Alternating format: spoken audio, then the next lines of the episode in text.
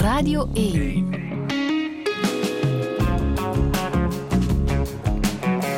Douche. Met Friede Lesage. En met Jean Blouten. Goedemorgen. Goedemorgen, Friedel. Hoe gaat het? Uh, het gaat.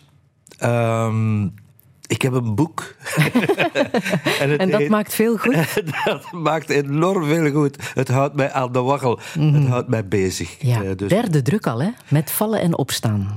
Ja, er zijn dus al drie boeken van. Uh, druk 1, druk 2 en druk 3. Ja. Ja, ik, ik uh, ben wel heel blij dat, dat er zoveel mensen geïnteresseerd zijn in mijn ja, levensloop, die, ondertussen, die intussen al 70 jaar, bijna 71 jaar mm -hmm. aan de gang is. Mm -hmm. We zullen het er zo meteen nog uitgebreid over hebben. Ik vroeg mij af of jij gisteren naar de Belpop 100 hebt geluisterd. Um, met stukken. Met, Jezelf ja. gehoord? Ik heb mezelf een paar, keer, een paar keren gehoord. Uh, Wanneer? Goh, het, het, is altijd Rosanne en Tim. Uh, en ik zeg dat Die niet goed zo... zijn geëindigd, hè? Ja, ja, ja.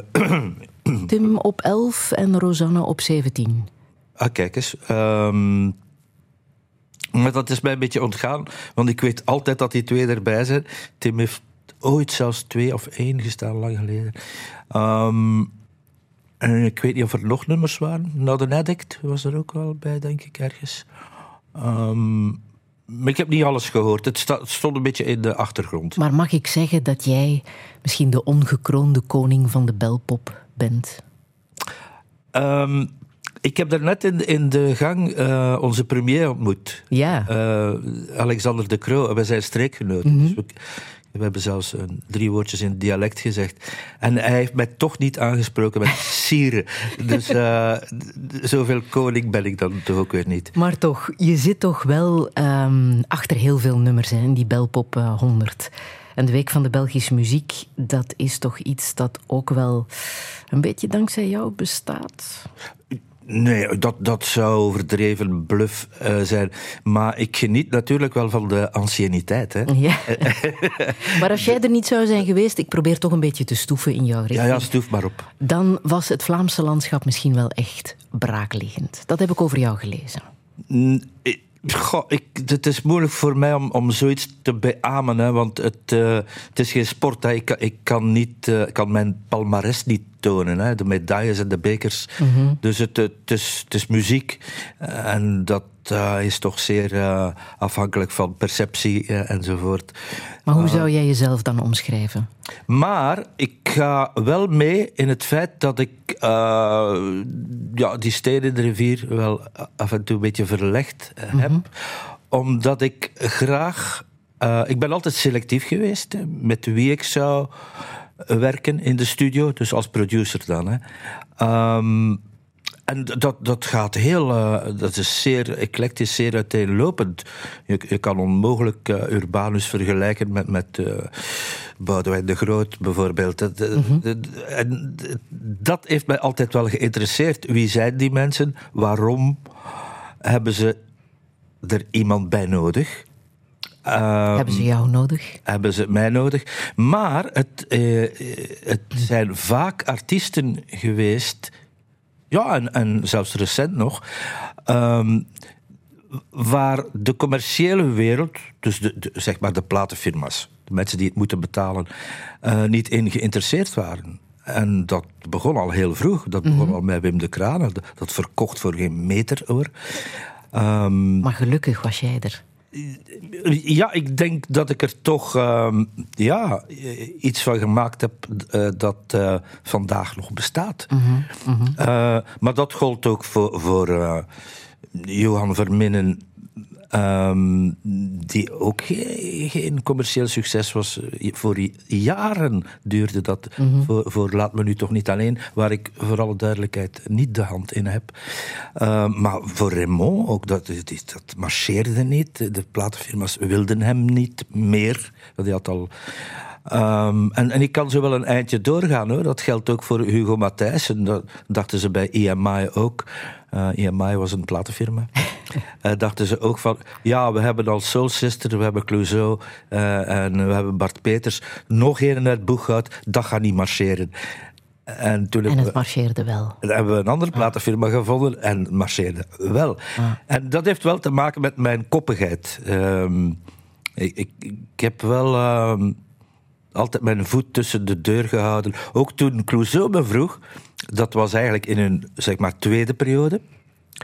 Uh, ze hebben eerste periode met Dargaatse en Anne enzovoort. Die, de, de, ja, de Clouseau-mania. Mm nog, nog erger in Holland dan hier zelfs. Uh, toen probeerden ze het in het Engels. Ze zijn zelfs in Amerika gaan opnemen. En dat is, met alle respect, het zijn goede vrienden, uh, maar dat heeft niet echt super gewerkt in het Engels. Dus ze moesten eigenlijk herbeginnen. En herbeginnen is altijd van nul in, in de muziek. Um, en dat hebben ze met jou gedaan? Ja, en dat werd mij ook afgeraden door mensen in het beroep. Jean, je gaat een Titanic produceren, ze de zot. En dat moeten ze juist zeggen tegen mij. Als iets mij afgeraden wordt, iets wat mij intrigeert of waar ik uh, toch wel in geloof, want mm dat is toch het allerbelangrijkste. En de artiest vraagt mij, want dat is nog belangrijker, dat ben ik niet tegen te houden. En hoe meer ik uh, tegenwind krijg, hoe harder ik ga trappen. Maar dit is jouw leven, hè? Produceren, arrangeren, uh, muziek, dat is volop jouw leven. Nochtans zijn er meer mensen, of veel mensen, die jou kennen als de zotskap, hè? de vrolijke Frans van op televisie. Stoort jou dat? Wil je dat corrigeren met dit boek? Het, het, stoort me niet natuurlijk, want het is de aard van het beestje. Het, het heeft te maken met mijn. Uh... Je bent de twee. Ik ben de twee. Uh, het, het, heeft natuurlijk te maken met mijn, mijn my will to please. Mm De Paul McCartney in mij. Maar er zit ook een John Lennon in mij. En uh, dat is. Die is wel grappig, maar niet te pakken. Dus ni Dieu, ni maître, zeggen ze in het Frans. Uh, maar ik, met dat boek wil ik dat wel eh, een beetje corrigeren. Dat klopt. Mhm. Dat In dat boek las ik trouwens: wie me echt wil leren kennen, moet met mij trouwen. Jean, ik ga mijn best doen de volgende twee uur. Friedel, kijk, ik stel mij helemaal open voor al uw pogingen.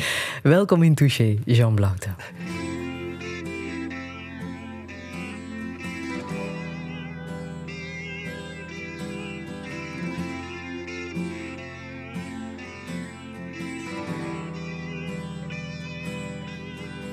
Herinner mij nog goed in hoe men mij vertelde van het harde buitenleven, de boeren op hun velden. Het binnenhalen van de oogst, het weer was droog en heet. De lijven plooiden naar de hooivork en stonken naar het zweet. Het graan was rijp en binnen, de boer zijn hoogste wens. Men zei mij dat dit alles een paradijs was voor de mens.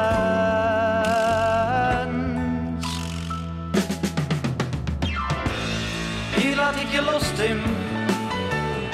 Van hieraf moet je gaan. Met vallen en opstaan. Van hieraf moet je gaan.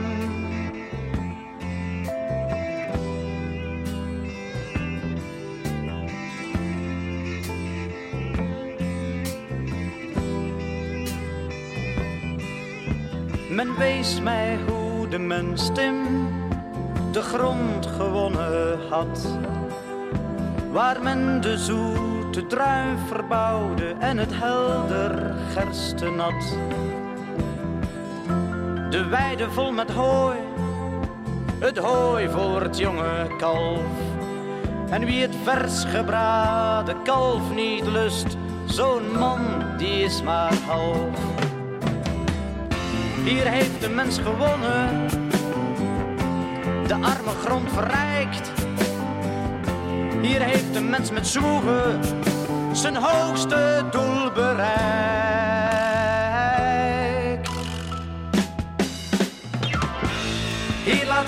Van hieraf moet je gaan, met vallen en opstaan.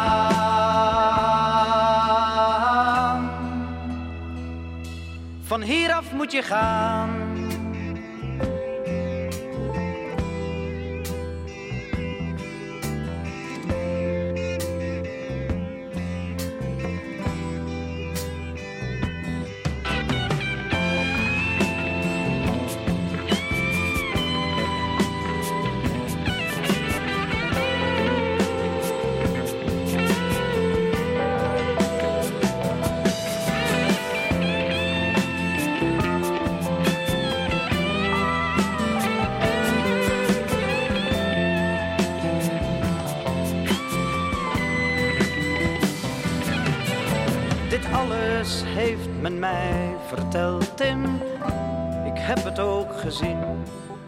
Hoewel ik zelf geen lauren aan dit meesterwerk verdien. Ik heb het lot bezongen van de knechten en de boer. Het kerren van de boerendochter, de blikken van de hoer. De schoonheid van de morgen het ontwaken van de stad. Ik heb dit wel bezongen, maar nooit een cent gehad. Hier laat ik je los van hieraf moet je gaan, met vallen en opstaan. Van hieraf moet je gaan.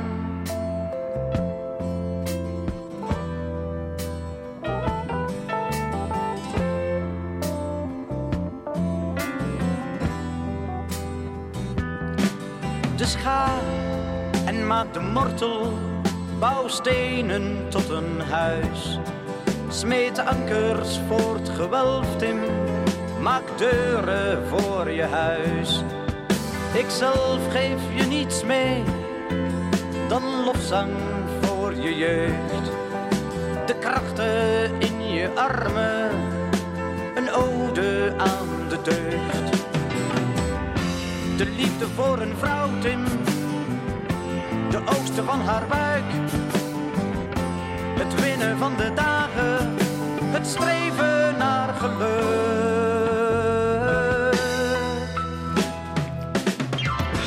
Hier laat ik je los. Tim van Wim de Kranen, op 11 geëindigd in eh, de Belpop 100 van 2023, Jean Blaute.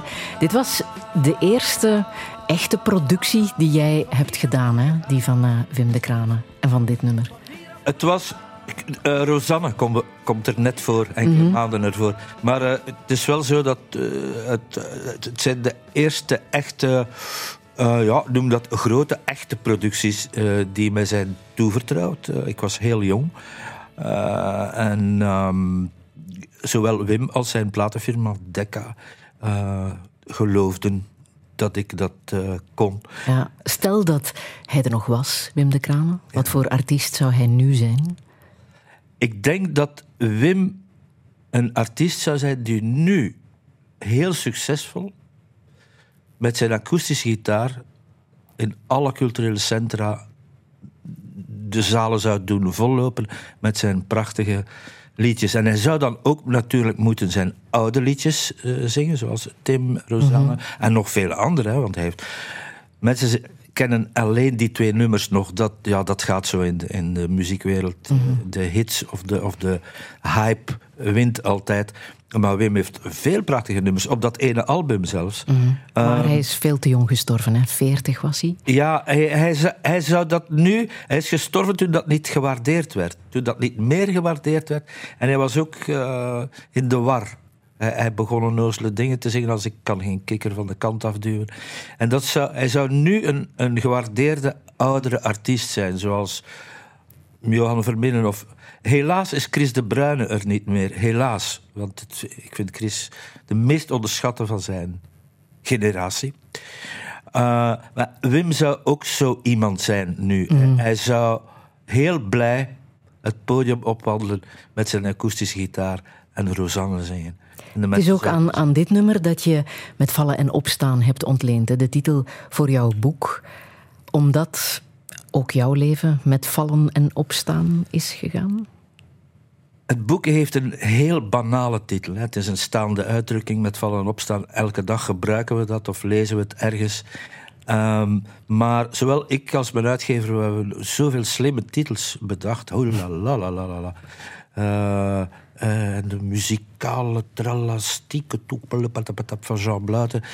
En toen dacht ik, de opdracht van de uitgever was eigenlijk schrijf geen autobiografie, want die gaat 3000 bladzijden dik zijn. Weinig mensen gaan dat kopen. En degenen die het kopen, lezen het niet. Het zal in de boekenkast naast Het Verdriet van België komen te staan. Uh,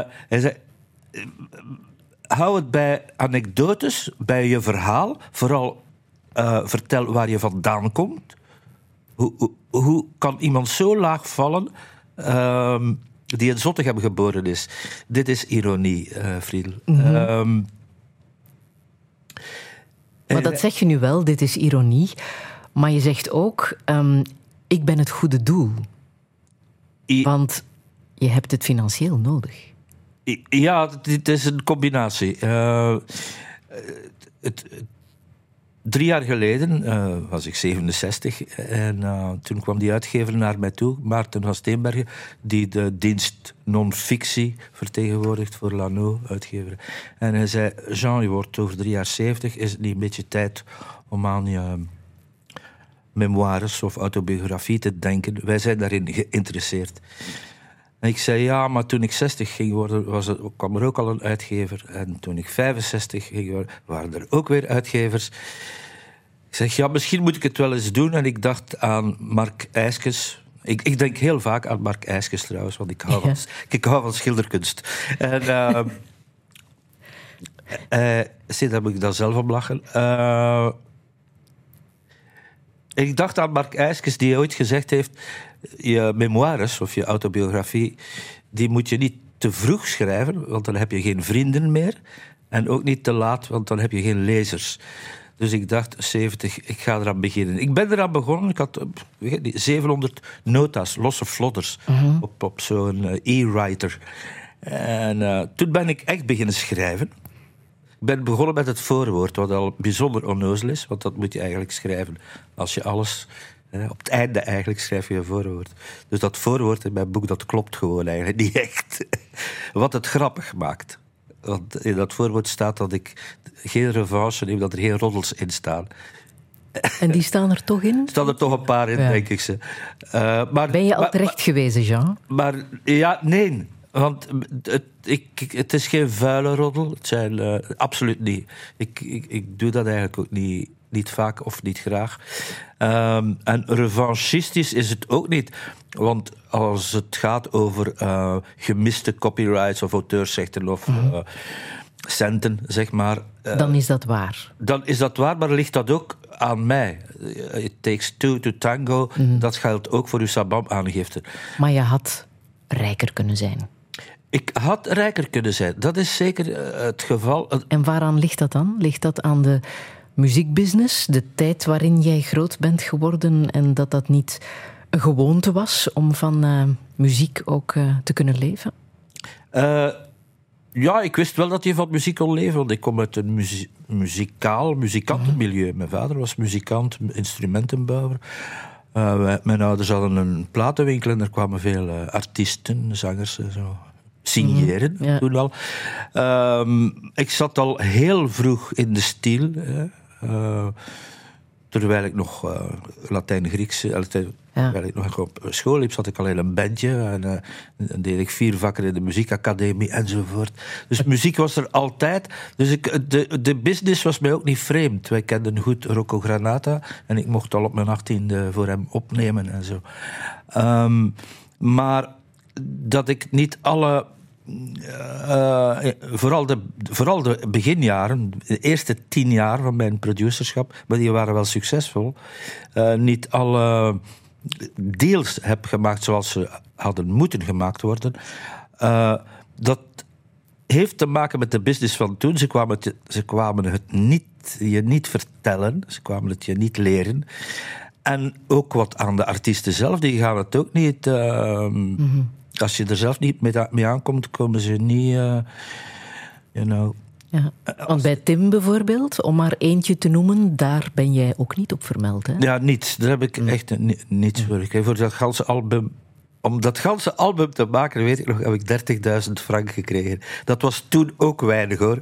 Eh, Omgerekend in euro's nog niet eens. nee, het is echt belachelijk. Maar ik had ook geen contract, geen eh, copyrights. Wel, hè, in, in België heet dat Sabam. Maar ik noem het liever copyrights. Want dat is het eigenlijk. Dus ik heb daar eigenlijk niets aan verdiend. Maar wel veel eer.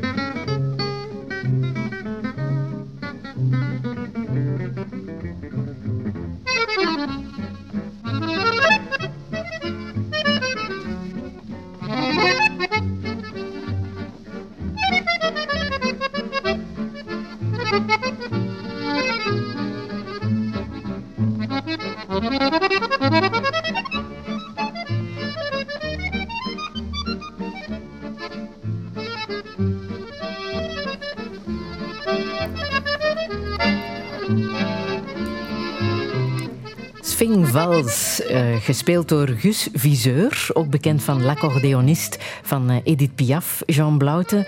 Ja, accordeonmuziek heeft ook in jouw leven een heel belangrijke rol, hè, dankzij jouw vader. die Ja, ook accordeonist was, accordeonhersteller zelfs. Ja, hersteller, bouwer, stemmer.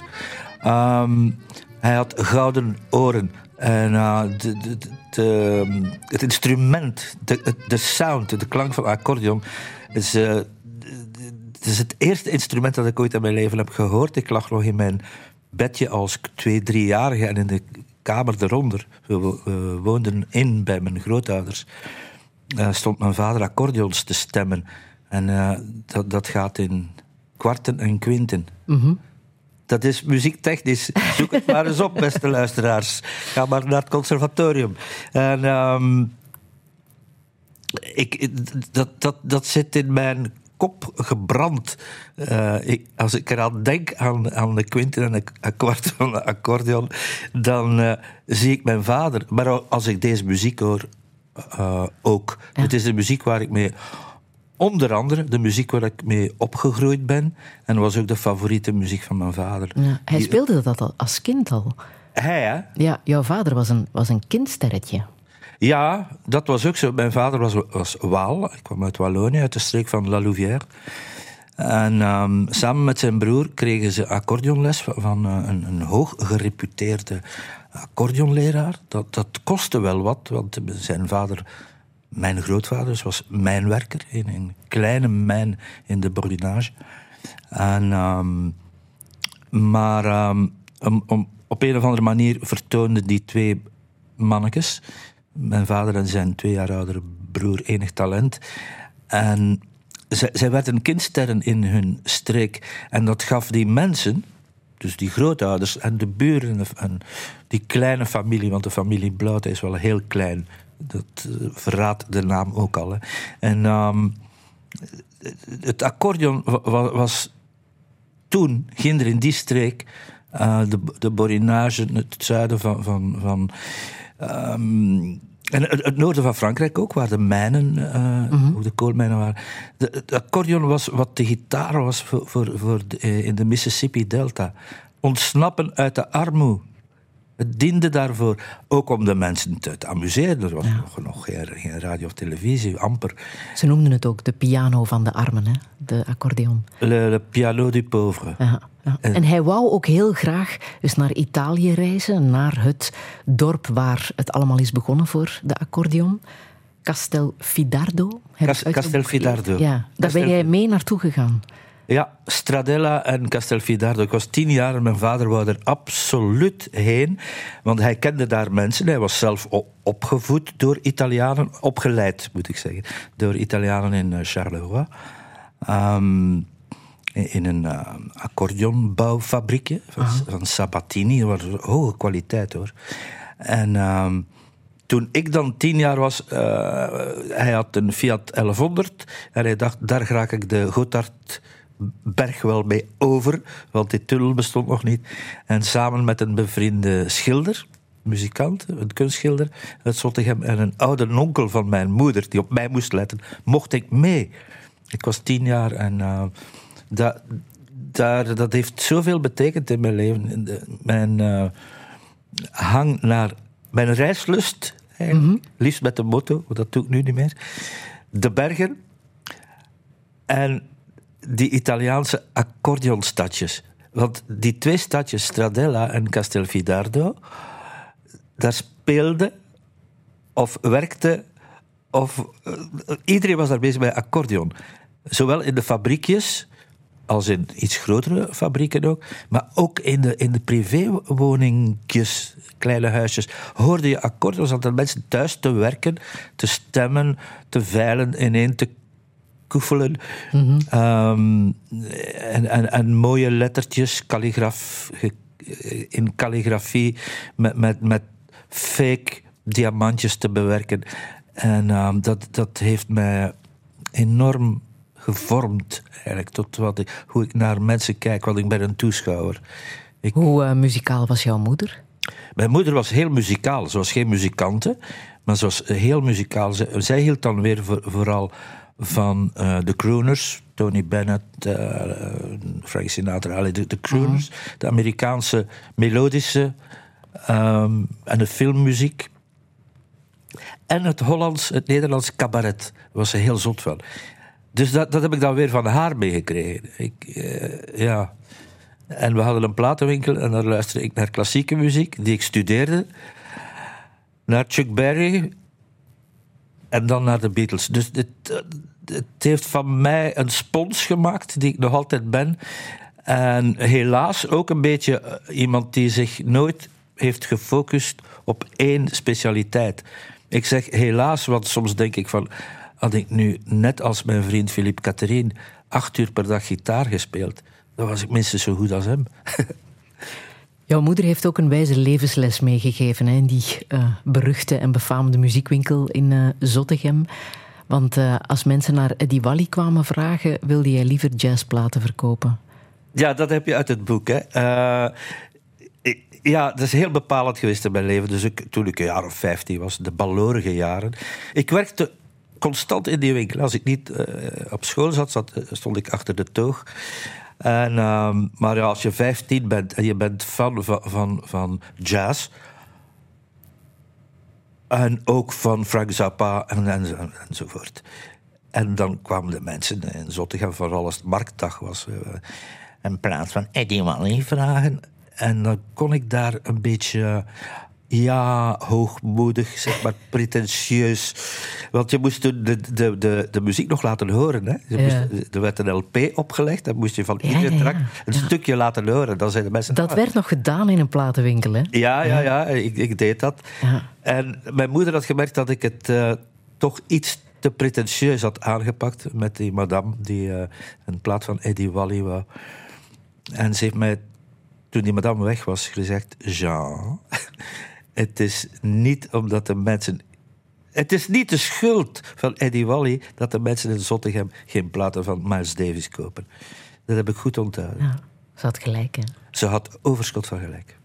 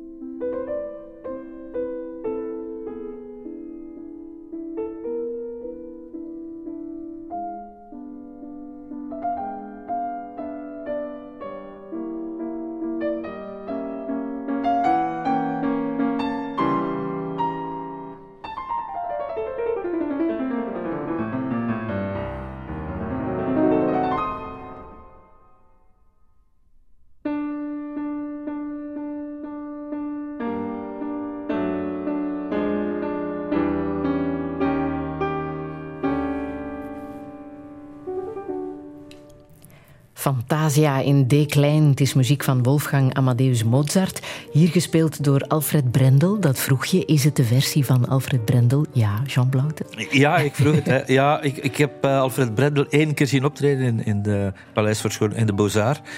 Ik denk een jaar of elf of zo geleden op een zondagnamiddag. Uh, maar dit, dit stuk, die fantasie van, van Mozart, die heb ik zelf nog gespeeld toen ik 16, 17 was in de academie van Zottegem. Mijn leraar was uh, Jan Rispes, is later conservatoriumdirecteur geworden in Gent.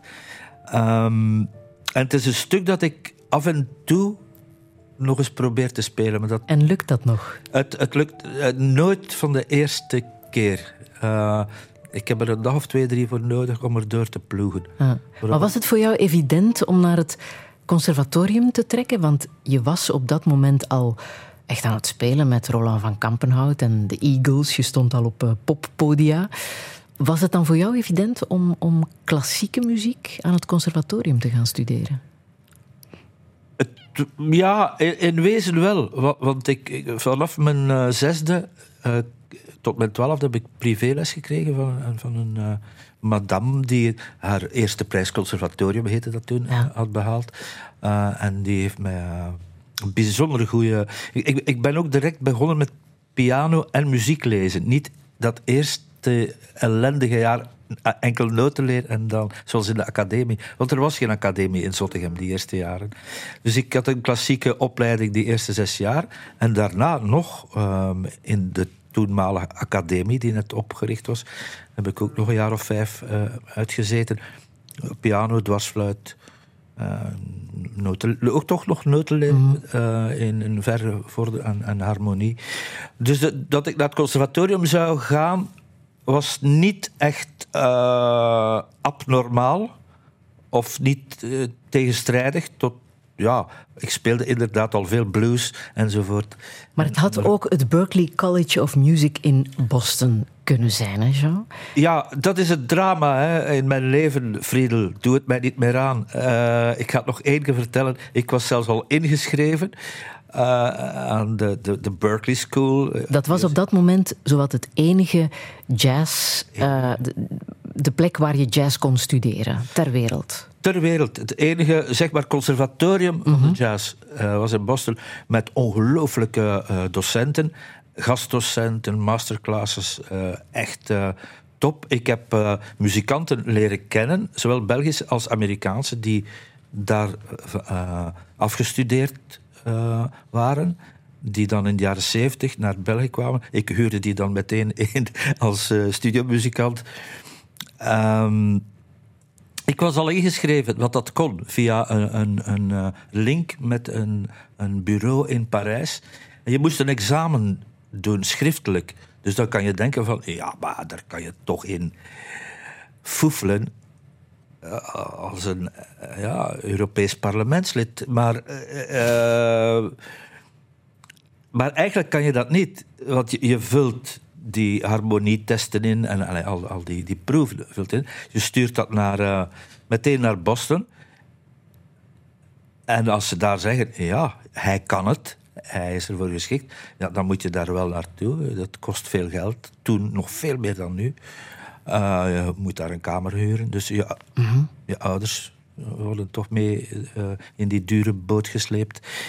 Uh, die boot kan ook een Titanic zijn. Um, dus het is eigenlijk zeer als je daar um, het spel vals zou spelen. Of ja, trischen, zoals we mm zeggen. Um, maar toch, je kon. Ik, ja, ik, ik was aanvaard en ik wou heel graag gaan. Uh, want het, Boston is niet zo gek ver van New York. En het was eigenlijk vooral New York dat me ook aantrok. Um, maar kijk, het is niet doorgegaan. Dan heb ik toch een soort van faalangst gekregen. Ik speelde heel graag met Roland. Ik speelde hier heel vaak al in de studio's. En mijn vader had me dan toch het conservatorium ingeduwd in, um, in Brussel. Ik hoefde daar geen ingangsexamen te doen, omdat uh, men mij vertrouwde. Ja, op basis van goede papieren. Uh, want ik mocht daar direct in het tweede jaar beginnen. Ja. Noodleer. Oh. Ja. ja. Um, maar ik ben niet tot in Boston geraakt. En eigenlijk vind ik dat tot op vandaag, uh, als ik eraan terugdenk, een, iets wat ik toch gemist heb in mijn uh, ja? muzikale muziekopleiding. Ja, omdat het uh, aan het conservatorium kon je enkel, enkel, enkel klassiek en theorie, hè? muziektheorie. Dat is altijd nuttig, oké. Maar aan het instrument moest het klassiek zijn. En ik, ik ging één keer, ik heb één les ja, uitgezweet bij een, een, een pianoprof aan het conservatorium in Brussel. Ik heb zijn naam nooit gekend. Het was zeker niet meneer De Groot. Het was echt, die was het niet. Um, en die zei, meneer Beluiten, het zal nooit wat worden met u aan de piano. Je hebt er de handen niet voor. En toen dacht ik, oef, ik ben er vanaf. Gelukkig is dat wel veranderd. En, ik, wel... en, ik, en, ik, ging naar de studio. Ja, ja. Zijn er nu wel jazzopleidingen die uh, jonge mensen kunnen volgen? Maar ja. een diploma is er nooit gekomen hè, aan de muur van Jean Blouten? Het enige diploma dat ik heb is een nummer dat ik geschreven heb en dat heet diploma. Maar, maar, niet van je humaniora en niet van het conservatorium? Nee, ik, de humaniora is... Uh, ik, ik ben het afgetrapt drie maanden voor het einde. Dat is wel heel dom. Rock and roll ook? Het was heel rock and roll. Dat had er zelfs mee te maken. Um, de attitude, mijn brani.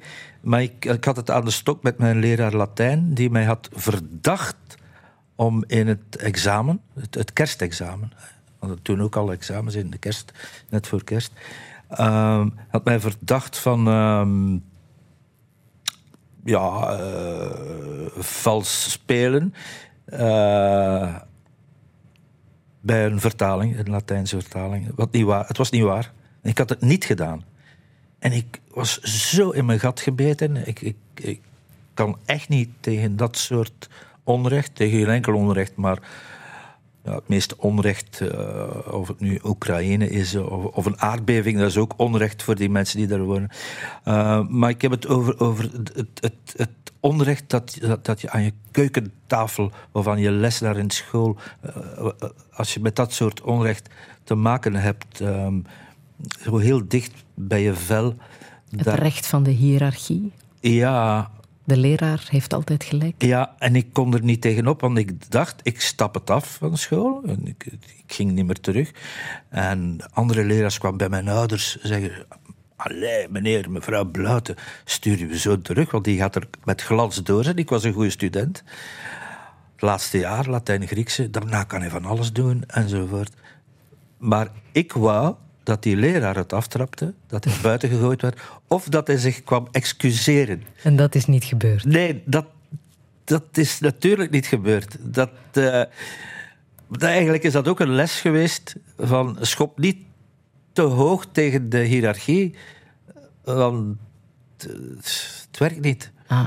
Ik, ik, vind het nog, ik heb dat in mijn leven nog gedaan hoor. Mhm. Mag ik zeggen dat je de echte lessen van de muziek hebt gekregen van de Beatles? Uh, heel veel. En vooral van hun producer George Martin. Die jij persoonlijk hebt ontmoet? Die heb ik ook eens ontmoet toen hij in de jaren 70, denk ik, 1978, 77, 78, uh, was ik in Londen prospectie gaan doen. Uh, enkele studios gaan bezoeken. Uh, in het vooruitzicht van de opnames van een uh, LP voor Raymond van het Groenewoud. LP die later Ethisch Reveil zou heten, met onder andere Brussels by Night. Wist, wist ik toen nog niet hoor. Maar ik was op prospectie met een goede vriendin uh, die in Londen woonde en al die studios kende. En die mensen. En zo kwam ik terecht in de Air Studio in Oxford Street, die eigendom geworden waren van de grote George Martin, producer van de Beatles. Ik had daar afspraak en um, aan de receptie zei mevrouw, uh, wacht een beetje. En die sprak wel Engels, hè, maar ze zei, wacht een beetje. Wait a bit. En uh, er komt iemand om u rond te leiden in de studio's. Er was een gebouw met drie studio's in. En ik dacht, er zal wel een technicus uh, op me afkomen om mij rond te leiden. Maar nee, het was de baas zelf. Dus ik was behoorlijk onder de indruk. En uh, de zeer vriendelijke, maar stijlvolle um, George Martin, die eigenlijk al jaren mijn rolmodel was als producer, um, heeft me daar rondgeleid. En wat zeg je dan tegen zo'n man? Ik, ik heb van alles gevraagd over de studio's, ook over boekingen, over hoe je muzikanten boekt als je ze nodig hebt. Uh, hij heeft mij uh, een beetje technische uitleg gegeven over in deze studio hebben we zoveel sporen. In de, uh, en um, toen, we, toen de rondleiding afgelopen was en we terug aan de receptie stonden, heb ik hem bedankt. En hij bedankte mij ook omdat ik niets had gevraagd over de Beatles. Zo is dat, denk ik, hè?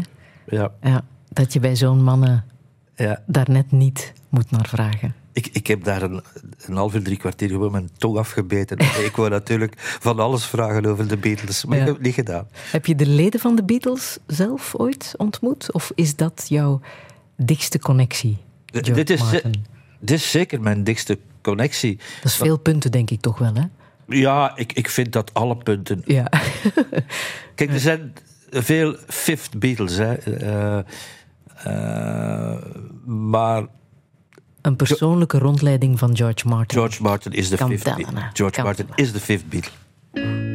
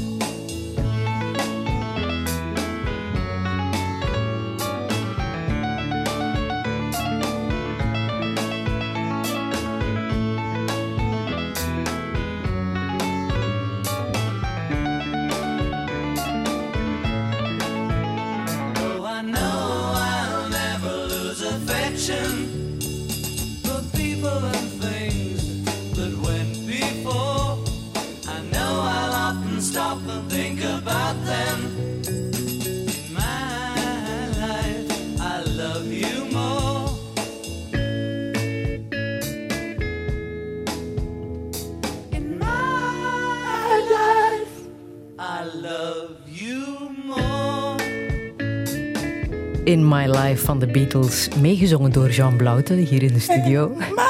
Ik kan er nog meer aan.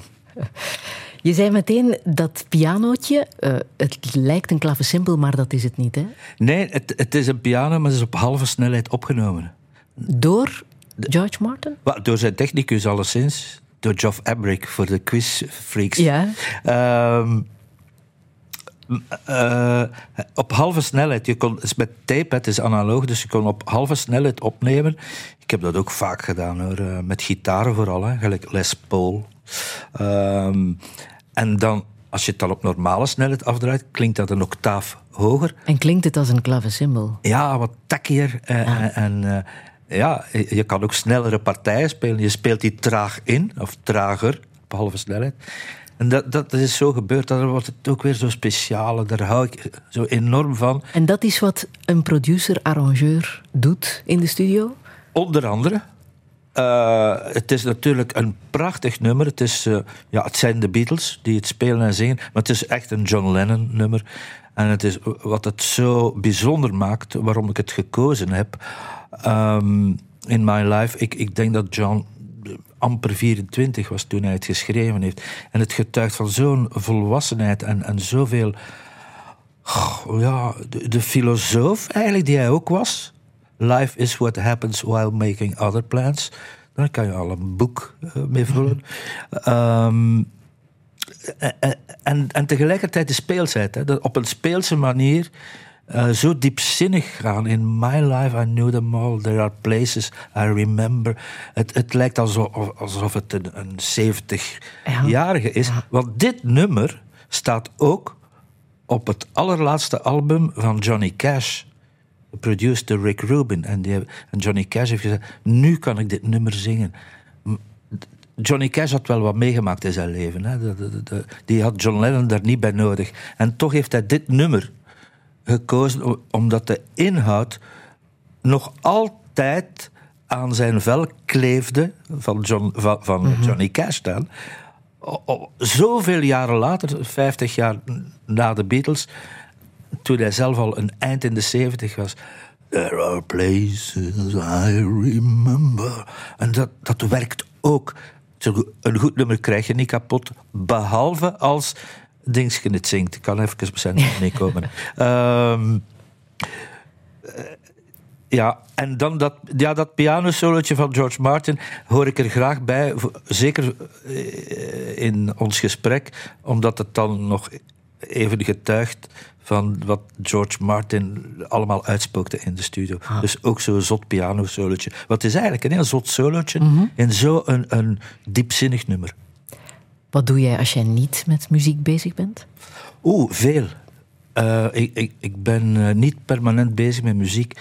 Uh, maar motorrijden dus niet meer? Dat nee, doe je niet meer? Nee, dat, dat is eigenlijk echt gestopt in de, wat we noemen de coronaperiode. Mm -hmm. um, ik, ik, voel, ik probeerde even op dat... Ik woon op de buiten, midden in de velden, dus ik, ik kon, ik kon wel buiten. Mensen mochten niet buiten, mochten niet. Maar ja, ik kon wel gaan wandelen. En, en, bijvoorbeeld ook met de motorrijden. En ik voelde ineens, ik weet niet, dat ik een, beetje schrik begon te krijgen. En dat ik het, uh, die bochten nemen allemaal niet meer zo met plezier deed, maar eerder met, met een soort uh, ei in mijn achterwerk. En ik dacht, nu is het tijd om te stoppen. Want met motorrijden moet je kunnen gaan. Weet je hoeveel kilometer je hebt afgelegd in jouw leven? Ja, ik heb dat eens uh, pro proberen bij te tellen, moet ja? toch een 150.000 zijn. Uh. Over berg en dal. En de mooiste plekken? Uh, och, veel, hè. Uh, vooral met de bende van Wim, maar toch... TV-programma dat jullie ook hebben gemaakt, hè? Ja, ja. Mm -hmm. Schotland. Ja?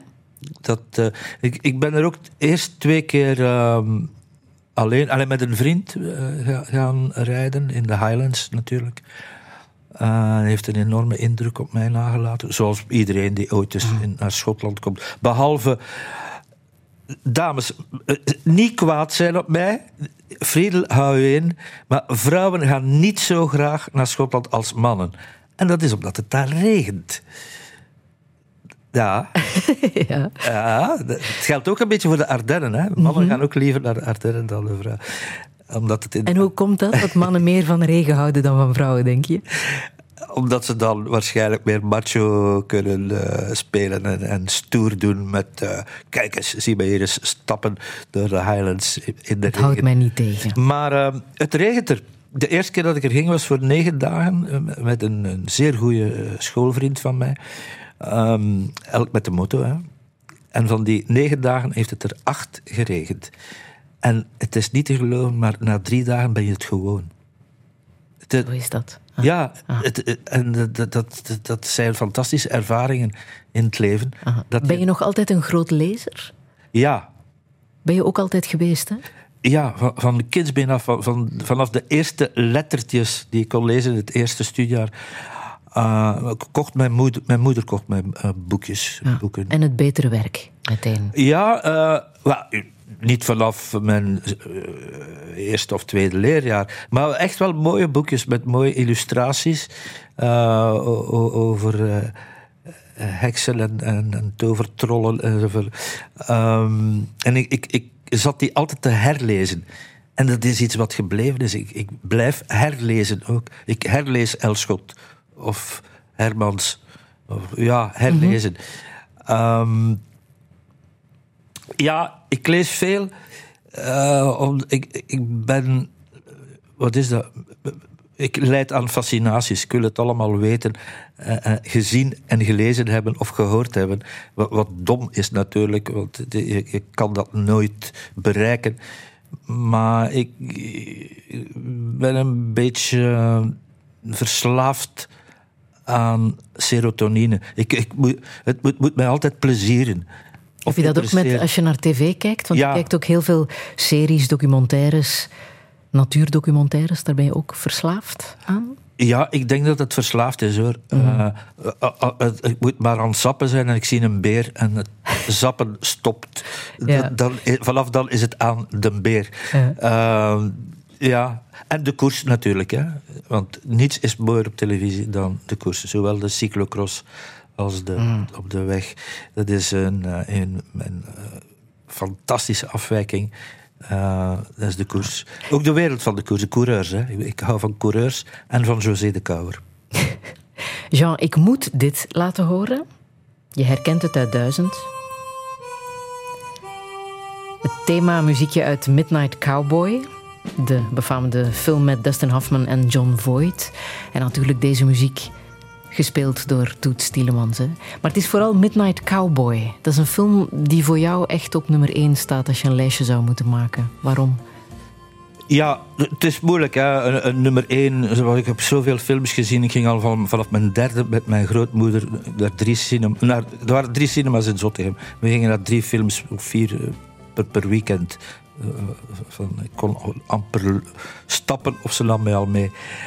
Uh, maar waarom deze film en deze muziek, het is het New York, het gore New York van de jaren 70, begin de jaren 70. Het gevaarlijke, vunzige, hoerige New York, wat mij enorm aantrok, waar ik eigenlijk heen wou. Um, de muziek is schitterend, Toet Stielemans, maar ook uh, Everybody's Talking, het, het, liedje gezongen door Harry Nilsson. Um, en ik, ik heb die film voor het eerst gezien samen met Roland, Roland van Kampenhout. En ik denk dat we hem daarna nog vijf keer zijn gaan bekijken. Mm -hmm. het, is, het, is, een film waar, waar, ik, bij wijze van spreken, dromend ingestapt ben. Ik wou dat ooit zelf beleven. Dat Midnight Cowboy gevoel in New York. Jean Blaute, wij praten zo meteen verder. Radio 1.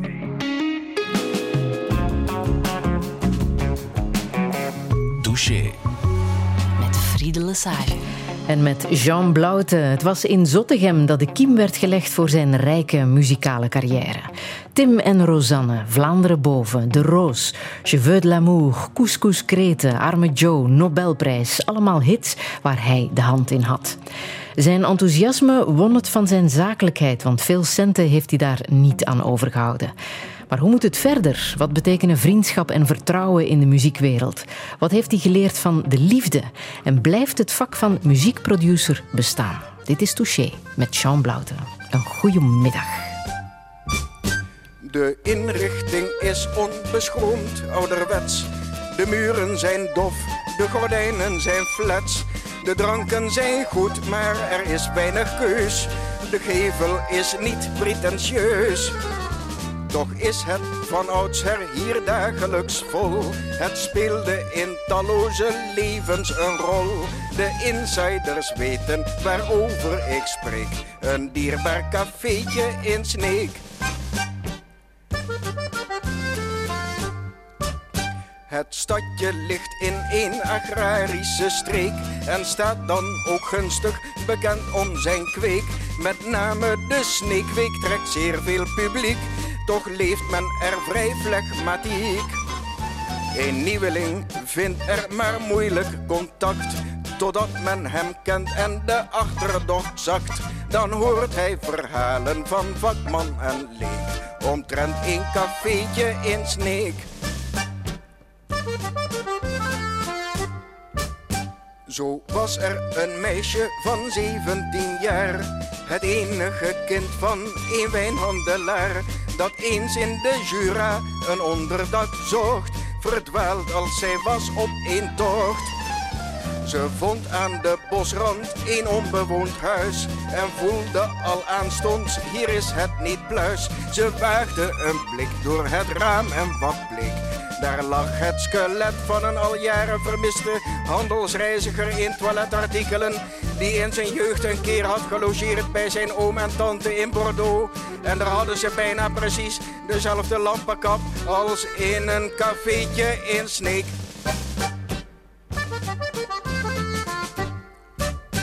Een jongen die aanleg voor boekhouden had, zocht passend en plooi in een tropische stad. Hij kwam uit een bergdorp, was weinig gewend en zeker geen amusement. Zijn spaarcenten waren al spoedig verbrast en hij werd maatschappelijk onaangepast. Het schijnt dat hij achter een speelhol bezweek. Aan bloedverlies als gevolg van messteken. Hem toegebracht door een voormalig muzikant die nog eens had gespeeld op een groot tuinfeest. Ter gelegenheid van de inhuldiging van een vestiging van een Europese fabriek die veel glaswerk leverde aan horecabedrijven. Onder andere aan een cafeetje in Sneek.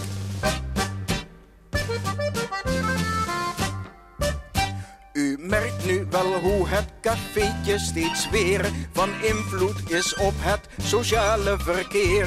Hoe hier en daar Gunter, ja zelfs over zee, men stuit op dit Sneekse café. Het is onverklaarbaar en bijna occult. Een feit dat de wereld met huiver vervult. Ik zelf kwam bijvoorbeeld in een apotheek en zag daar een dame op leeftijd die een sterke gelijkenis vertoonde met de hospita van een goede vriend uit mijn studententijd die hem de huur opzegde toen hij een tafeltje in de gang had omvergelopen waardoor een asbakje was stuk gevallen dat haar herinnerde aan een vakantie in Lugano. Er waren namelijk in hetzelfde hotel twee Amsterdamse compagnons gelogeerd en daar was ze toen mee in contact gekomen en ze heten Sam en Moos. Dat doet me overigens aan een kapitale grap. Denken, maar onze tijd is beperkt. En trouwens, misschien had u hem al eens gehoord. Bovendien is de grap bij nader inzien niet zo erg leuk. Maar ter zake, die twee Amsterdammers zaten in de eetzaal altijd onder een schilderij van een gezin dat aardappels eet. En wat wil nu het geval? Dat schilderij komt ook voor in een lied dat tussen haakjes niet eens over wandversiering gaat, maar eigenlijk over, moet u opletten, u raadt het nooit, over een cafeetje in Sneek. Dokter Anders P. Er is maar één iemand die dit ken, kan, hè? Snekercafé. Ja, dat is wel echt een van zijn mafste nummers. uh, alles wat hij geschreven is, is, is goed hè? En, en vooral degelijk. Hè? En, en ja, volgens de strikte regels van het metrum en de rijmkunst. Um, maar dit loopt zo uit de hand door die lange tussenteksten. En toen ik het de eerste keer hoorde, toen ik het voor het eerst hoorde, was uh, samen met hem. Hij, hij, kwam, hij logeerde bij mijn ouders thuis. En hij had zijn nieuwe LP bij, een nieuwe album. Zingt allen mee met Dr. Anders. En uh, we luisterden nummer naar nummer. Ook de, de veerpont, heen en weer, heen en weer, stond daarop. Dus het is eigenlijk zijn beste plaat. En toen kwam dit nummer. En ik heb het drie keer naar elkaar moeten opzetten. In zijn aanwezigheid. Want ik miste de helft door het lachen natuurlijk. En ik, ik heb hem toen ook wel zoiets gezegd van... Uh, Heinz, eigenlijk ben je gek. en hij, zei, ik hoor liever gestoord. Was het de humor die van jullie dikke vrienden heeft gemaakt? Het was onder andere de humor. Het was ook uh, de... de de muziek, onze interesse, onze liefde voor, voor muziek in het mhm. algemeen. Klassieke muziek, hij luisterde graag Bach bijvoorbeeld. Hij speelde dat ook wel een beetje op piano. Um, hij had een hekel aan Beethoven en ik niet. Dus we hadden uh, interessante gesprekken. En hij was ook echt een doctorandus, hè? Ja, dat, uh, ja, iemand die zou doctoreren later, hij heeft dus dat niet gedaan. Uh, maar hij had economie gestudeerd. Ja, helemaal niks met, met taal. Nee, nee. Maar ik heb uh, nog niet zo heel lang geleden een foto van hem gezien toen hij tien jaar was of zo. En hij, zat, hij is het al helemaal, is hij dat kleine professortje. Ah. Ja. Um, met die krulletjes en, en, en, en die scherpe ondeugende blik. Want hij was, het was uh, wat wij in Vlaanderen een kapoen noemen. Hij kende dat woord niet. Ik, uh, ik zeg, Heinz, je, je zei echt een kapoen. Hè. Is dat niet een soort uh, haan? Of zo? Ik zei, ja, dat is een gecastreerde haan. Ik zei, dat ben je allerminst. Um, maar hoe ver ging die vriendschap tussen, tussen jullie? Die ging heel ver. Uh, wij gingen vaak uh, naar horecabedrijven. Dus -huh. puur voor de economie, uiteraard. Ja. Um, hij bleef vaak overnachten en logeren in Zottegem bij mijn ouders. Daar bezochten we ook horecabedrijven. Um, maar dat was altijd uh, ja, zeer hoogstaand natuurlijk. We, we, deden dat niet om te drinken enkel, maar om, om, uh, om te praten. Groot, ja, hoog, ah. hoogstaande literaire conversaties. Uh. Klopt het dat je hem ook bijna de dood hebt ingereden? Ja, dat was in Brussel. We hadden de opname gedaan van, en ik heb één nummer van hem geproduceerd. Helaas maar één. Dat, dat heet uh, Grand Prix. Het gaat over uh, Grand Prix, over for, Formule 1. Het is het snelste, het rapste nummer dat ik ooit heb opgenomen. Ah, ja? En um, we hadden iets gedronken ook uh, na de opname in een cafeetje in Brussel. En ja, op een kruispunt in Elsene kwam er iemand van rechts, dus die had voorrang. En die is uh, recht in uh, dokter aan de spee gereden eigenlijk. Hij zat naast mij. En gelukkig op, op, op 50 meter was een ziekenhuis. Daar hebben ze hem direct in allerhande verbanden gewikkeld. Voelde jij je schuldig? Ik voelde me absoluut niet schuldig. En hij vond dat ook allemaal niet zo erg. Want dan kon hij nog langer blijven logeren in Zottegem. ja. Want zijn vrouw was op dat moment toch voor een week in Londen. En hij kon het enorm goed vinden met mijn moeder, die hem toen heeft verwend als een klein kind, want hij kon zijn rechterarm niet bougeren. Die lag helemaal in het verband, zijn schouder was uit de kom. Hij, hij was redelijk gekwetst hoor. Uh, hij, was er, ja, hij stapte een beetje moeilijk, maar dat was al een goede oefening voor later, zei hij dan. Ehm, en mijn, mijn moeder lepelde hem zijn eitjes morgens in. En, en, hij, liet dat allemaal, hij liet zich dat allemaal wel gevallen. Dat was echt... Uh, de echte dokter aan de Spee, die hebben we thuis wel uh, meegemaakt. We deelden ook het bed, hè, uh, want we hadden maar één logeerkamer. Allee, we hadden geen logeerkamer. Dat was mijn kamer. en dan kroop hij bij jou in bed. Wij, wij, sliepen samen. Maar daar is wel wat volk gepasseerd hè, in de muziekwinkel in, in Zottegem. Dat was meer dan een muziekwinkel alleen. Hè? Ja, het was het, open deurdag voor, voor muzikanten, voor kunstenaars. Mm -hmm. rond Zottegem waren heel wat uh, um, ja, schilders eigenlijk. Een goeie. Deze de Bruyne woonde in, in lange tijd in Zottegem. En er was een fijne jazzclub. Um, ja, muzikanten veel in en rond Zottegem, tot in Rondse en zo. De Vlaamse Ardennen. En uh, dat, dat kwam allemaal bij ons over de vloer uh, in die winkel. En niet altijd om platen of muziekinstrumenten te kopen, maar gewoon om. Voor het sociale verkeer. Ja. En het is mee bepalend geweest voor wie jij bent geworden natuurlijk. Hè? Dat is enorm bepalend geweest. Het, Mhm. is, ik, ik ben echt het product van, van die fantastische, lieve ouders die open stonden voor, voor iedereen, voor alle lagen van de bevolking ook. eh, Zeer, zeer belangrijk. Ja. Eh, want Was je je daar bewust van hoe bijzonder jouw ouders waren? Nee, dat is pas later eh, gedaagd. De, de- dat ik eh, toch geen eh, gewone ouders had, zoals mijn vriendjes of zoals andere kinderen. Ehm, gelukkig heb ik dat. ben ik tot dat besef gekomen en tot dat inzicht gekomen toen ze nog leefden. Dat wel. Maar in mijn kinderjaren of jeugdjaren, ja, dan vind je alles normaal. Ik kende niets anders dan.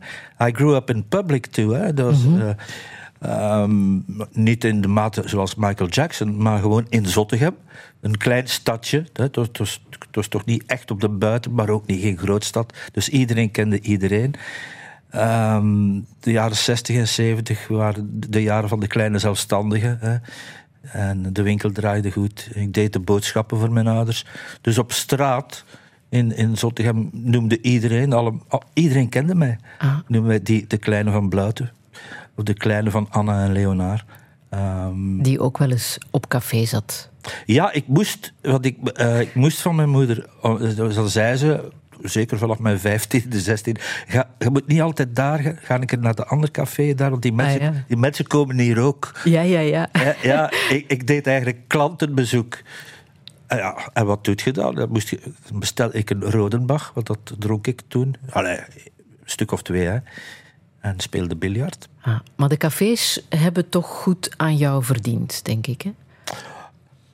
Eh, eh, in mijn jeugdjaren of in mijn In leven? jouw hele leven. In mijn leven... Als je dat zou optellen. Ja, ik heb echt eh, de horeca geholpen. en eh, soms zijn die mij daar zelfs dankbaar voor. Ik word wel eens getrakteerd door een cafébaas. Eh, en eh, ja, dat, het is toch iets dat deel uitmaakt van mijn ja, opdracht hier op aarde. Je hebt ehm, drie reeksen van eh eh, Tournee Général gemaakt met Ray Cokes over de Belgische bieren. Mhm. Toen was dat ook heel normaal, uiteraard, hè, dat er over drankprogramma's eh, werden gemaakt. Ja. Zou jij het omgekeerde doen? Een eh, programma maken over Tournee Mineral. Zou jij dat kunnen? Zou jij de alcohol helemaal uit je leven kunnen schrappen? Ja, daar ben ik mee bezig. Maar ik, ik ben. Mijn reputatie als eh, bierkenner en, en eh, eh, tooghanger is meer hype dan, dan realiteit hoor. Allee, in mijn beroep, zeker als producer, kan je natuurlijk niet alle dagen dronken verschijnen. En Is dat perceptie? het, er, is, er zit veel perceptie. Er zit ook een beetje, zit natuurlijk wel wat waarheid in. Hè. Maar ehm, ik, ik drink bijvoorbeeld nooit eh, alleen thuis. Met niets, hè? Nul. En ik ben nu al enkele, eh, veel te veel weken alleen. Mijn vrouw is bij haar familie eh, ver over zee. En ehm, dan drink ik niets. Ik ga graag eens om de twee weken ongeveer. Dus een namiddag in een volkscafeetje. Dat doe ik nu in het Mechelse. Ik woon weer eh 100% in Mechelen. Maar de afgelopen tien jaar verdeelde ik mijn tijd tussen Brugge en Mechelen. En dan had ik in, in Brugge Sint-Andries. Op de Gistelse Steenweg was er een volkscafeetje. Daar was ik ook vaste stek. Maar ook niet dagelijks. Ah. En wat, waarom doe je dat? Waarom ga je daar graag zitten? Ik moet af en toe eens tussen de mensen zitten. De mensen. Aha. En dat heeft zeker, zeker met mijn opvoeding te maken. Aha. Ik ben op, opgegroeid tussen de mensen, maar wel met eh, Bach en Mozart aan de piano en Jimmy Smith aan het orgel. Eh, eh, en ja, Hugo Claus en, en Louis Paul Boon in, in de handen. Dus ik, de- de- ik, ik heb altijd dat evenwicht gewild tussen wat men noemt de hoge cultuur en de volkse cultuur. Ah. Ik, ik noem het niet de lagere cultuur, maar de volkse cultuur. En ik hoor daarbij ook. Maar Ik hoor bij die anderen ook. Ja. Gelijk ik ook een beetje hoor bij de Walen als bij de Vlamingen.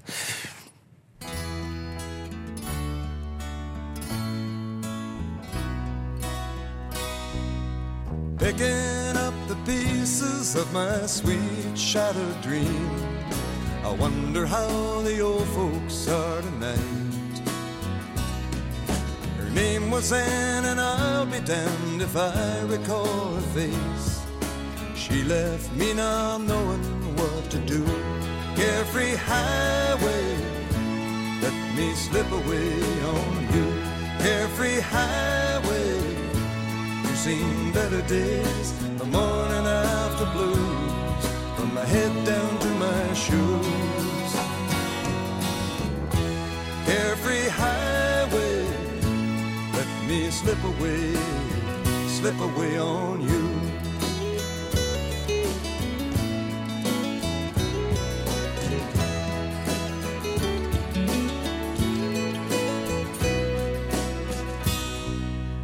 Turning back the pages to the times I love best. I wonder if she'll ever do the same. Now, the thing that I call living is just being satisfied with knowing I got no one left to blame. Carefree highway, I got to see you, my old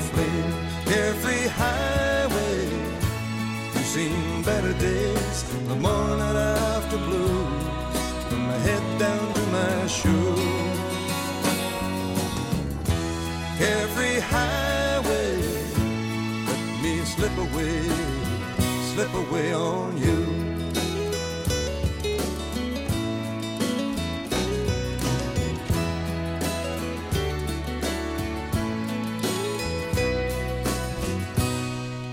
Searching through the fragments of my dream shattered sleep. I wonder if the years have closed her mind. I guess it must be wanderlust or trying to get free from the good old faithful feeling we once knew.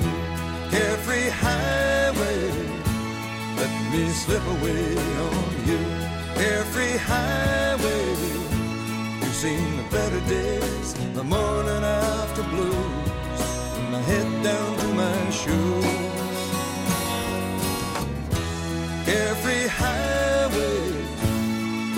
Slip away, slip away on you. Let me slip away on you. Carefree highway, I got to see you, my old friend. Carefree highway, you've seen better days, the morning after blues, from my head down to my shoes. Carefree Gordon Lightfoot met de Carefree Highway, Jean Blouten. Hier heb je echt ontzettend veel naar geluisterd, zei je zo net. Enorm. Eh, samen met Roland, Roland van Kampenhout, eh, hebben we honderden keer naar eh, Lightfoot geluisterd, naar, naar al zijn nummers, hè, want ze zijn allemaal goed. If You Could Read My Mind is misschien het bekendste, gecoverd door Elvis zelfs. Ehm, maar een- om, om de kwaliteit van de Canadese singer-songwriter eh, Gordon Lightfoot wat toe te lichten, gebruik ik graag de woorden van Bob Dylan. Die zei over Gordon Lightfoot: telkens ik een nummer van Lightfoot hoor, zou ik willen dat het nooit eindigt. Is dat niet mooi? Ja. ja. En, en sinds ik dat weet van Dylan, heb ik datzelfde gevoel. Want dit nummer eindigt repetitief, altijd datzelfde refrein.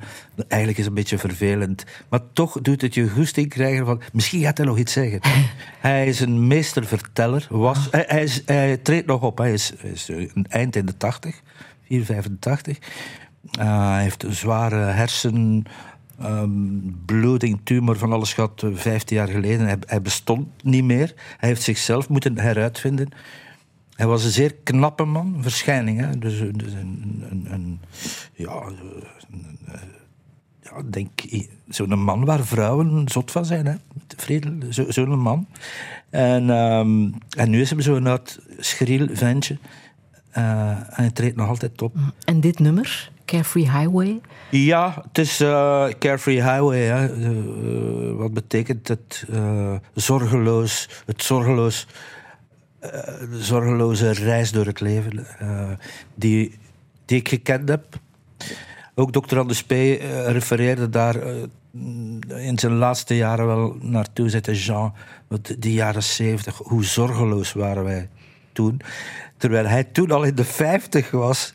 En ik, eh, een jong ventje.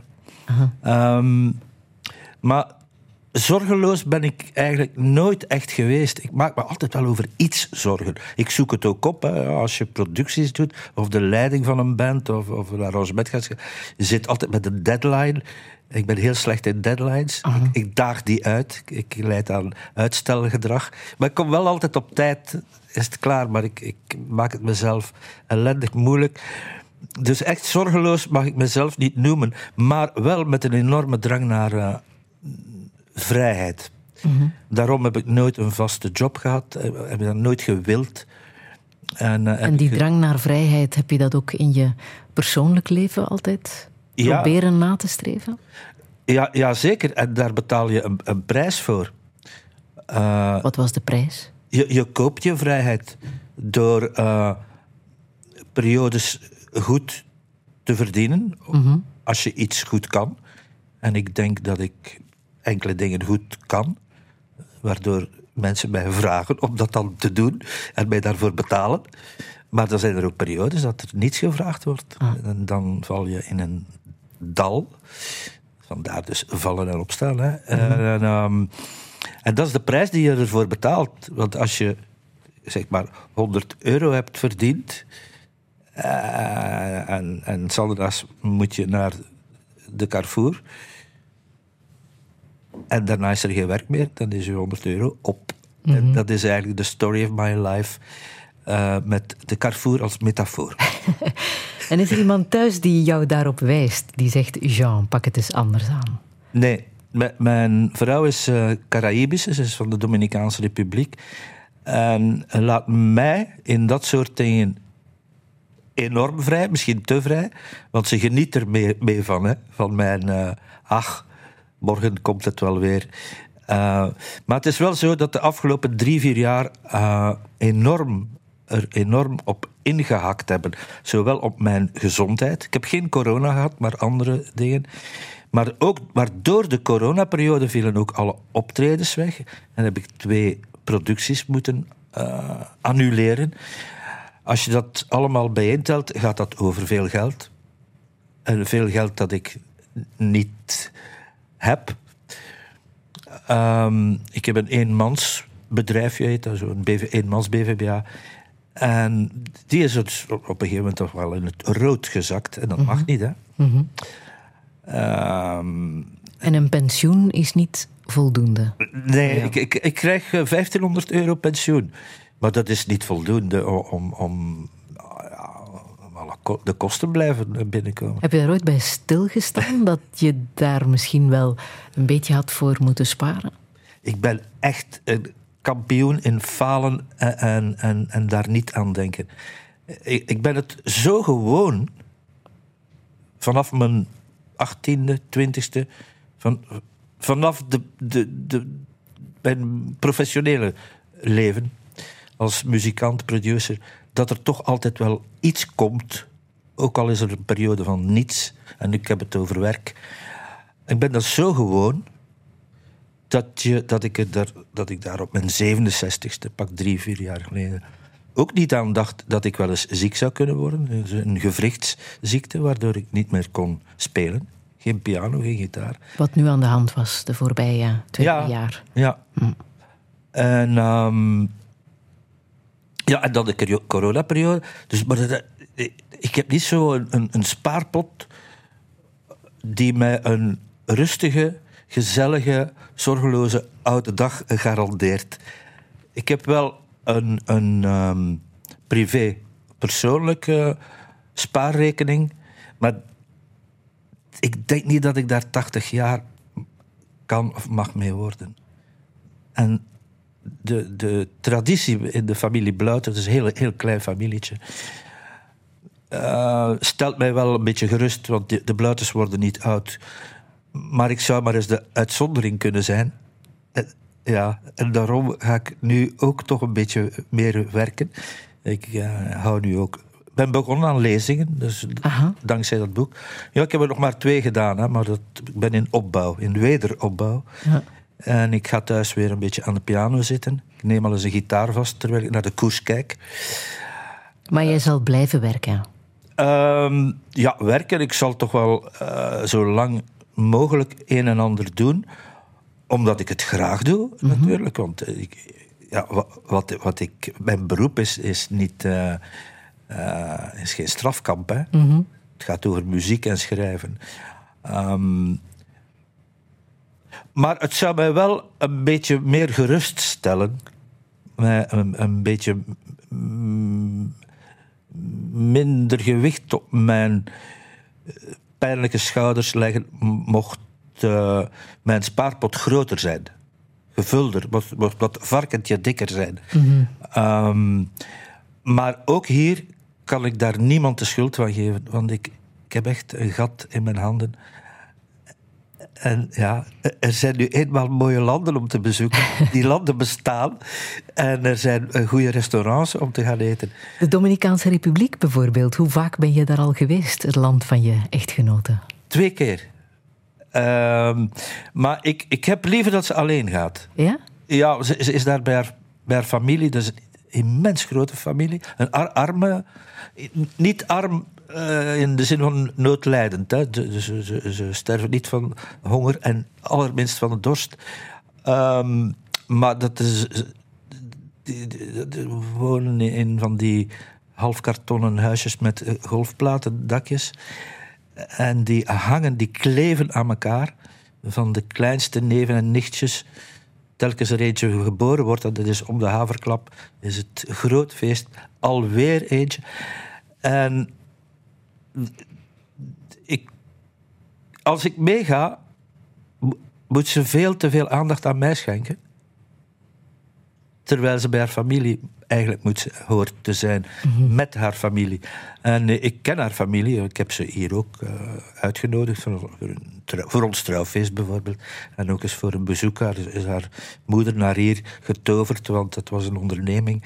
En, ehm, maar ik, ik heb niet zo de, de, de, de zon en die, die klamme temperatuur. En die goudgele stranden en palmbomen. Ik, ik heb dat eigenlijk niet nodig. Ah, maar de cultuur, wat leer je uit hun cultuur ehm, wat wij beter zouden kunnen? ritme, muziek. eh, muziek met veel meer Ja. ritme. En levenswijsheid? Die heb ik zelf wel. Daar heb ik niemand, daar heb ik niemand bij nodig. Daar zorg ik zelf wel voor. Eh, levenswijsheid, ja, de, de, de content zijn met, met, eh, met je familie. Eh, maar ja, ik heb nauwelijks familie. Ik heb een zus en een nicht. Ehm, Ze wordt trouwens vandaag 50 jaar, hè? Je vrouw. ja, ginder wordt ze 50 jaar en hier eh, op 2 maart. Eh, want Dat er is praktisch. Er was kinderen. eh, Twee verjaardagsdata. 50 jaar geleden heeft haar vader een slordigheid begaan in de aangifte. Ginder, dat is echt waar. Ehm, eh, maar toen, ze, ze, ze is Belg nu, hè? Allee, twee nationaliteiten. En ehm, ja, toen, toen bleek dat het eigenlijk 2 maart had moeten zijn.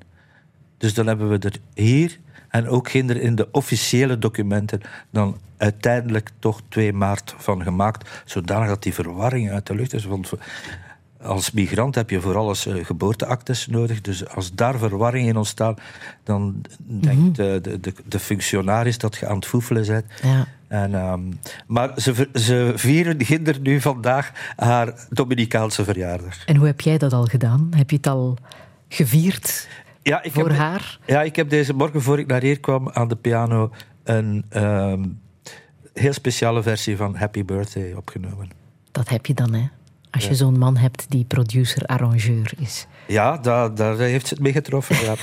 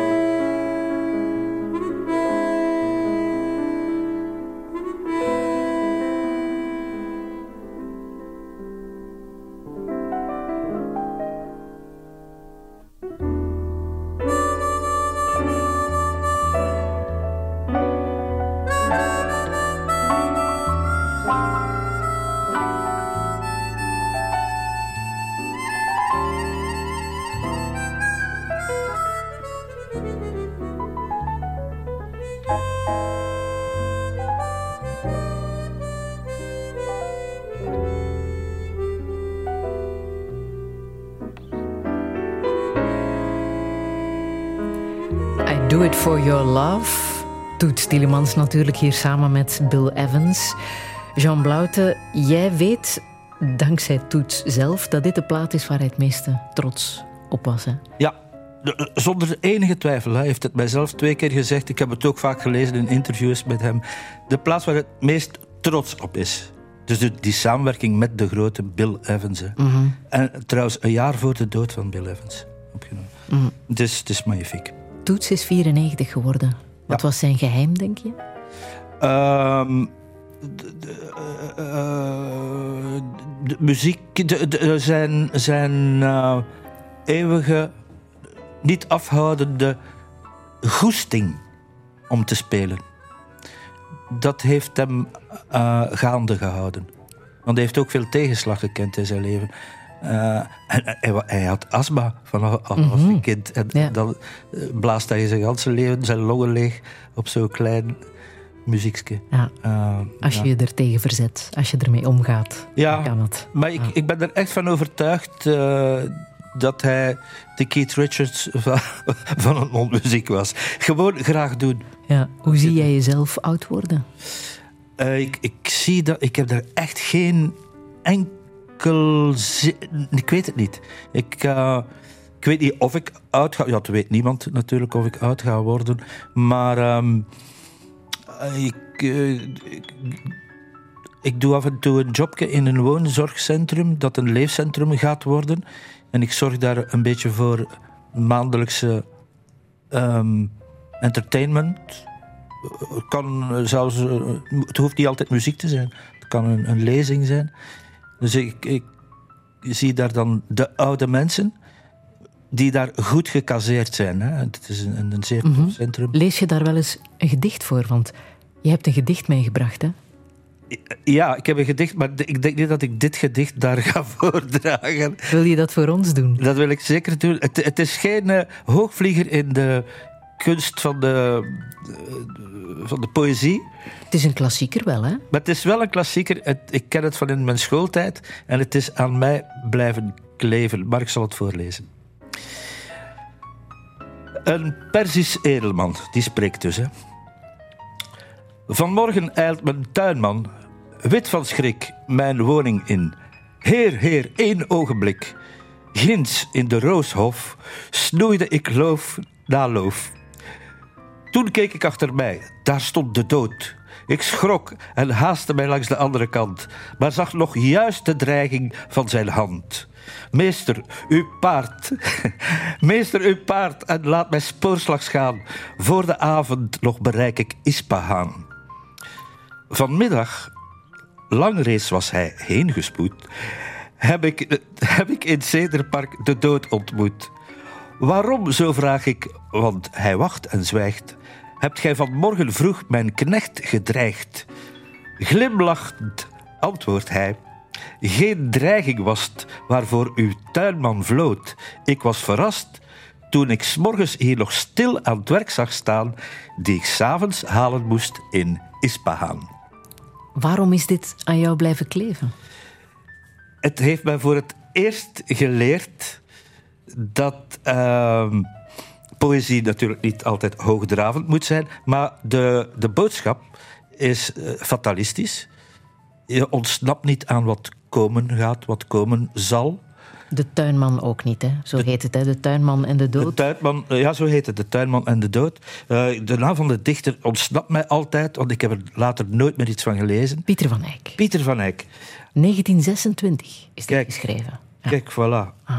Maar we kregen dat in school in de les Nederlands, ergens derde, vierde middelbaar, denk ik. Um, de boodschap is natuurlijk dat, je, dat de, de dood of whatever onontko onontkoombaar is. Je ontsnapt er niet aan. Maar het is ook zeer. Ik, ik, voel, ik voel daar veel uh, humor in ook. Ironie. Uh, het relativeren van uh, alles wat, wat bedreigend lijkt. Je moet er niet van wegvluchten, want het gaat toch gebeuren. Ja, Murphy's Law. Of John Lennon alweer. Hè? Life is what happens while making other plans. Het is, daar eigenlijk gaat het daarover ook. Hè? Eh, het is aan mij blijven kleven. Het is een beetje, mm, ook een beetje mijn levensadagium geworden. Eh, we zullen zien, zeg ik wel heel vaak hoor. Want je bent wel een paar vrienden op jonge leeftijd verloren, hè? Ik ben veel te veel vrienden verloren, vind ik. ik. Als ik dat vergelijk met veel van mijn gelukkig nog levende vrienden. Sommigen hebben zelfs nog op mijn leeftijd, 70 jaar, hebben nog hun ouders. Dan denk je van, wat blijft. Ehm, ja, al op mijn 23ste stierf mijn beste vriend. En dat is eigenlijk niet, niet, nooit echt gestopt. Mhm. Patrick de Witte bijvoorbeeld. Pa- Ja, PDW, Patrick de Witte was eh, echt mijn, mijn, mijn copain. Mijn, wij hadden alle dagen contact. En vaak, hè? niet alle dagen één keer. Eh, Volgende zondag zou het tien jaar geleden zijn dat hij daar. stierf aan hartfalen. Ja, ja, ja. ja dat is, ik kon dat niet geloven. Het heeft lang geduurd voor ik dat kon vatten, kon plaatsen, heet dat. Ehm, ja, we hadden dagelijks contact. Wij schreven, wij mailden, wij sms'ten, wij belden. We keken samen op afstand naar onnozele Duitse slagerprogramma's. Ehm, en, en we hadden een motoclubje samen. Aha. Samen met, met nog drie andere fantastische gasten. Eh, Het motoclubje heette de Stelvio's.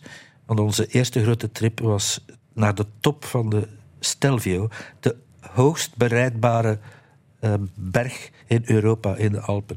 Je moet wel goed zot zijn om dat als eerste trip te doen. Maar we hebben enorm veel gelachen. Maar ik heb ook samengewerkt met, met eh, Patrick. Eh, hij had een eh, tv-productiehuisje, dus vooral voor comedyprogramma's. En ik maakte daar al eens een tune voor. eh. Ehm, maar dat, ja, Jean-Pierre de Dekker, denk ik nu, een, een toneelregisseur, filmregisseur ook, waar ik eh, musicals voor geschreven heb. Ook filmmuziek trouwens. Eh, ja, te veel. Eh, en natuurlijk mijn ouders. Als we het over vriendschap hebben, hebben we het ook over vertrouwen natuurlijk. Hè? Ja. Wat heb jij geleerd over vertrouwen in jouw leven? Eh, dat, dat is een heel gevaarlijk woord, een, een- een zeer gevaarlijk gevoel eigenlijk, om, om te gaan in geloven. dat heb ik onderweg geleerd. Eh, je vertrouwen kan geschonden worden. Natuurlijk weet je dat. Eh, En, en sommige mensen zijn van nature niet naïef. Andere mensen zijn van nature wel naïef en toch verstandig. Kijk eens naar mij, Friedel. Eh, ja, ik, ik heb eh, in mijn leven vaak mijn vertrouwen geschonken aan, aan mensen die daar misbruik van gemaakt hebben. En dat heb je als je te open bent, te, te, te gul met het delen van je persona, van, van, van je gevoelens, van je, of van je ideeën zelfs. Het kan ook, eh, kunnen ook eh, artiesten zijn die eh, ermee gaan lopen. Dat, dat je je ideeën van eigenaar ziet veranderen. en ehm, ja, ik, met de jaren ben ik wel veel voorzichtiger geworden. Niet gesloten, maar wel voorzichtiger geworden in, in het. ehm, in de inkijk van mijn zielenroerselen. eh, en in- Maar zelfs als mensen jouw vertrouwen hebben beschaamd, kan het nog goed komen. Ja, eh, dat, eh, dat heeft zich ook wel een paar keer voorgedaan in mijn leven. Dat, is zeer. dat is bijna het beste wat je kan overkomen. En hoe doe je dat dan? Hoe lijm je terug de brokken bij iemand die jouw vertrouwen heeft misbruikt? Ja, dat moeten die mensen zelf doen, hè? En je moet ze daartoe uitnodigen. Ja, maar als ze heel braaf zijn, dan laat ik ze wel binnen. Ja. Eh, met braaf bedoel ik beleefd, en eh, geloofwaardig. Moet wel geloofwaardig zijn, natuurlijk. Ehm, ja, het is wel al gebeurd dat, dat, dat, eh, dat mensen eh, tot het inzicht komen van... Ah, dat, dat, dat, eh, dat heeft niet verdiend. We zullen dat even goed maken. Uh, en dan krijg ik bloemen of zoiets. Of dan is er... Een kus. Of mag ik eens gratis naar het Schipperskwartier in Antwerpen. maar dan is er een beetje lef nodig om dat gesprek aan te gaan. En eerlijk tegen elkaar te kunnen zeggen wat er fout is gelopen? Maar ik, ik, ik hou het liever. Uh, als het vertrouwen is eh, beschaamd, als het is geschonden, uh, hou ik toch liever afstand. Een, een veilige afstand. Mm -hmm. Dat betekent niet dat ik. Um, uh, de persoon zal afblaffen bij een ontmoeting, zal ik wel heel beleefd goeiedag zeggen. Maar het zal daar wel bij blijven. Ik, uh, ik heb onderweg geleerd dat het uh, syndroom van, um, hoe heet het, Stockholm-syndroom, dat ik dat niet maar, dat mag zich niet meer meester maken van mij. Want dat heeft het ooit wel gedaan. Verliefd zijn op diegene die jou kwaad brokken. Ja, er, er bijna toe aangezogen worden. Mm -hmm willen dat het goed gaat tussen jullie beiden. Ja, ja. dat heeft ook wel te maken met een zekere behaagzucht waar ik mm -hmm. uh, aan leid. Ja, een beetje gelijk Paul McCartney.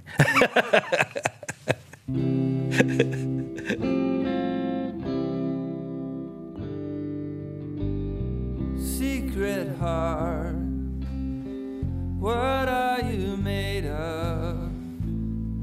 What are you so afraid of? Could it be simple words or the fear of being overheard? What's wrong? Let her in on your secret heart.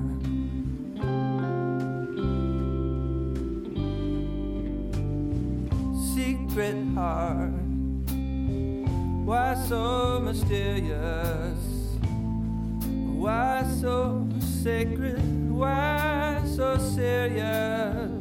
Maybe you're just acting tough. Maybe you're just not man enough. What's wrong? Let her in on your secret heart. This very secret. You're trying to conceal. Is the very same one you're dying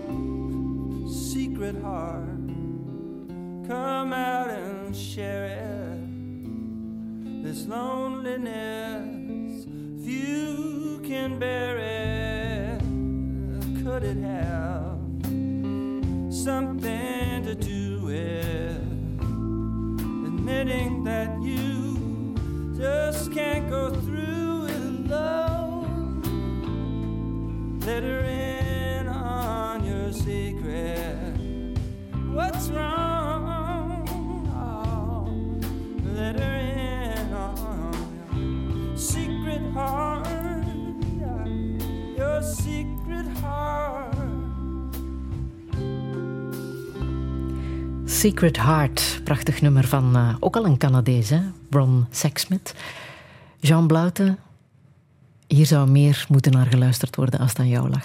Ja, Ron Sexsmith, ik, ik, ik, ben er begin naar luisteren, 10, 12 jaar geleden. En het was meteen dit nummer dat mij trof. ik herkende er mezelf ook wel wat in. Dat moet niet altijd, hè, als je naar muziek luistert. Maar in dit geval gold dat wel voor mij.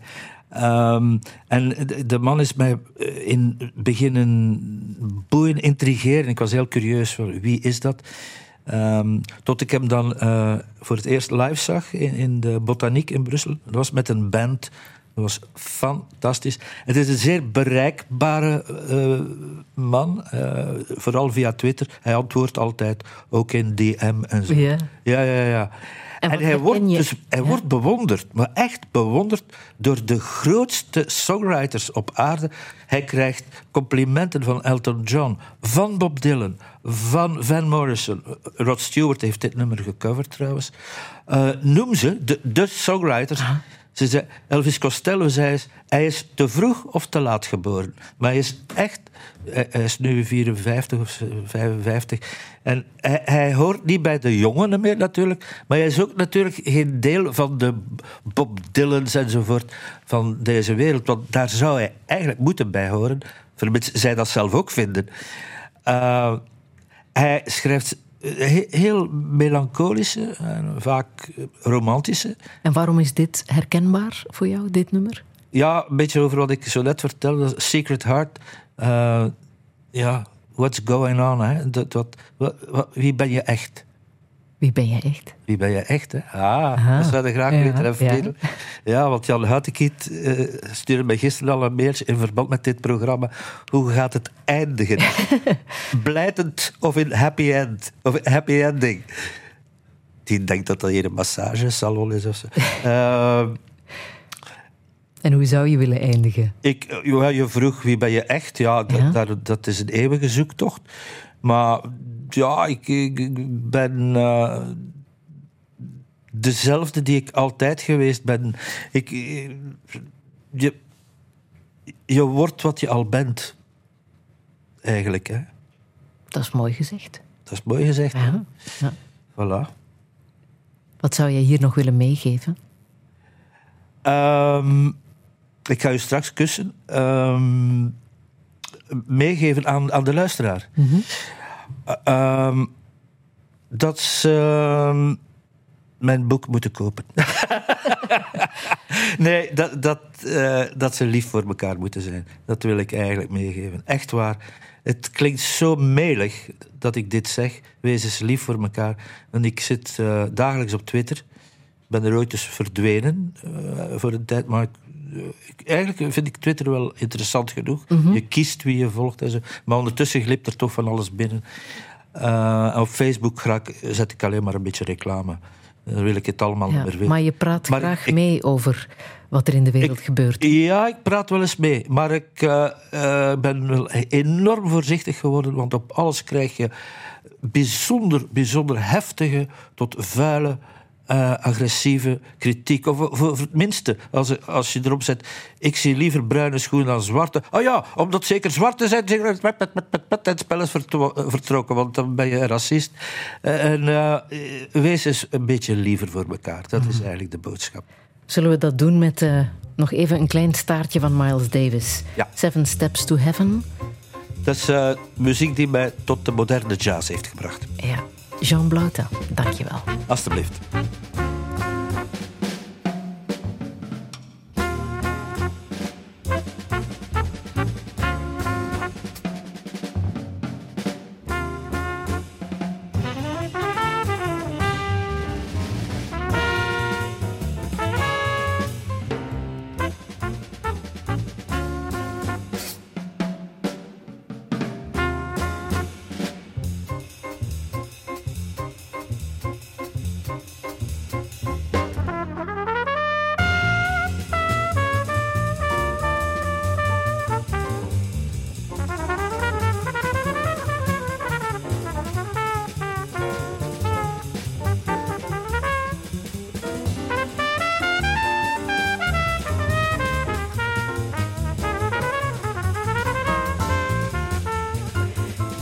Steps to Heaven van Miles Davis met dank aan Jean Blaute. Volgende week komt schrijver en columnist Guillaume van der Stichelen vertellen wat hem raakt in het leven. Nog een heel fijne zondag. Herbeluister Touché in de app van VRT Max.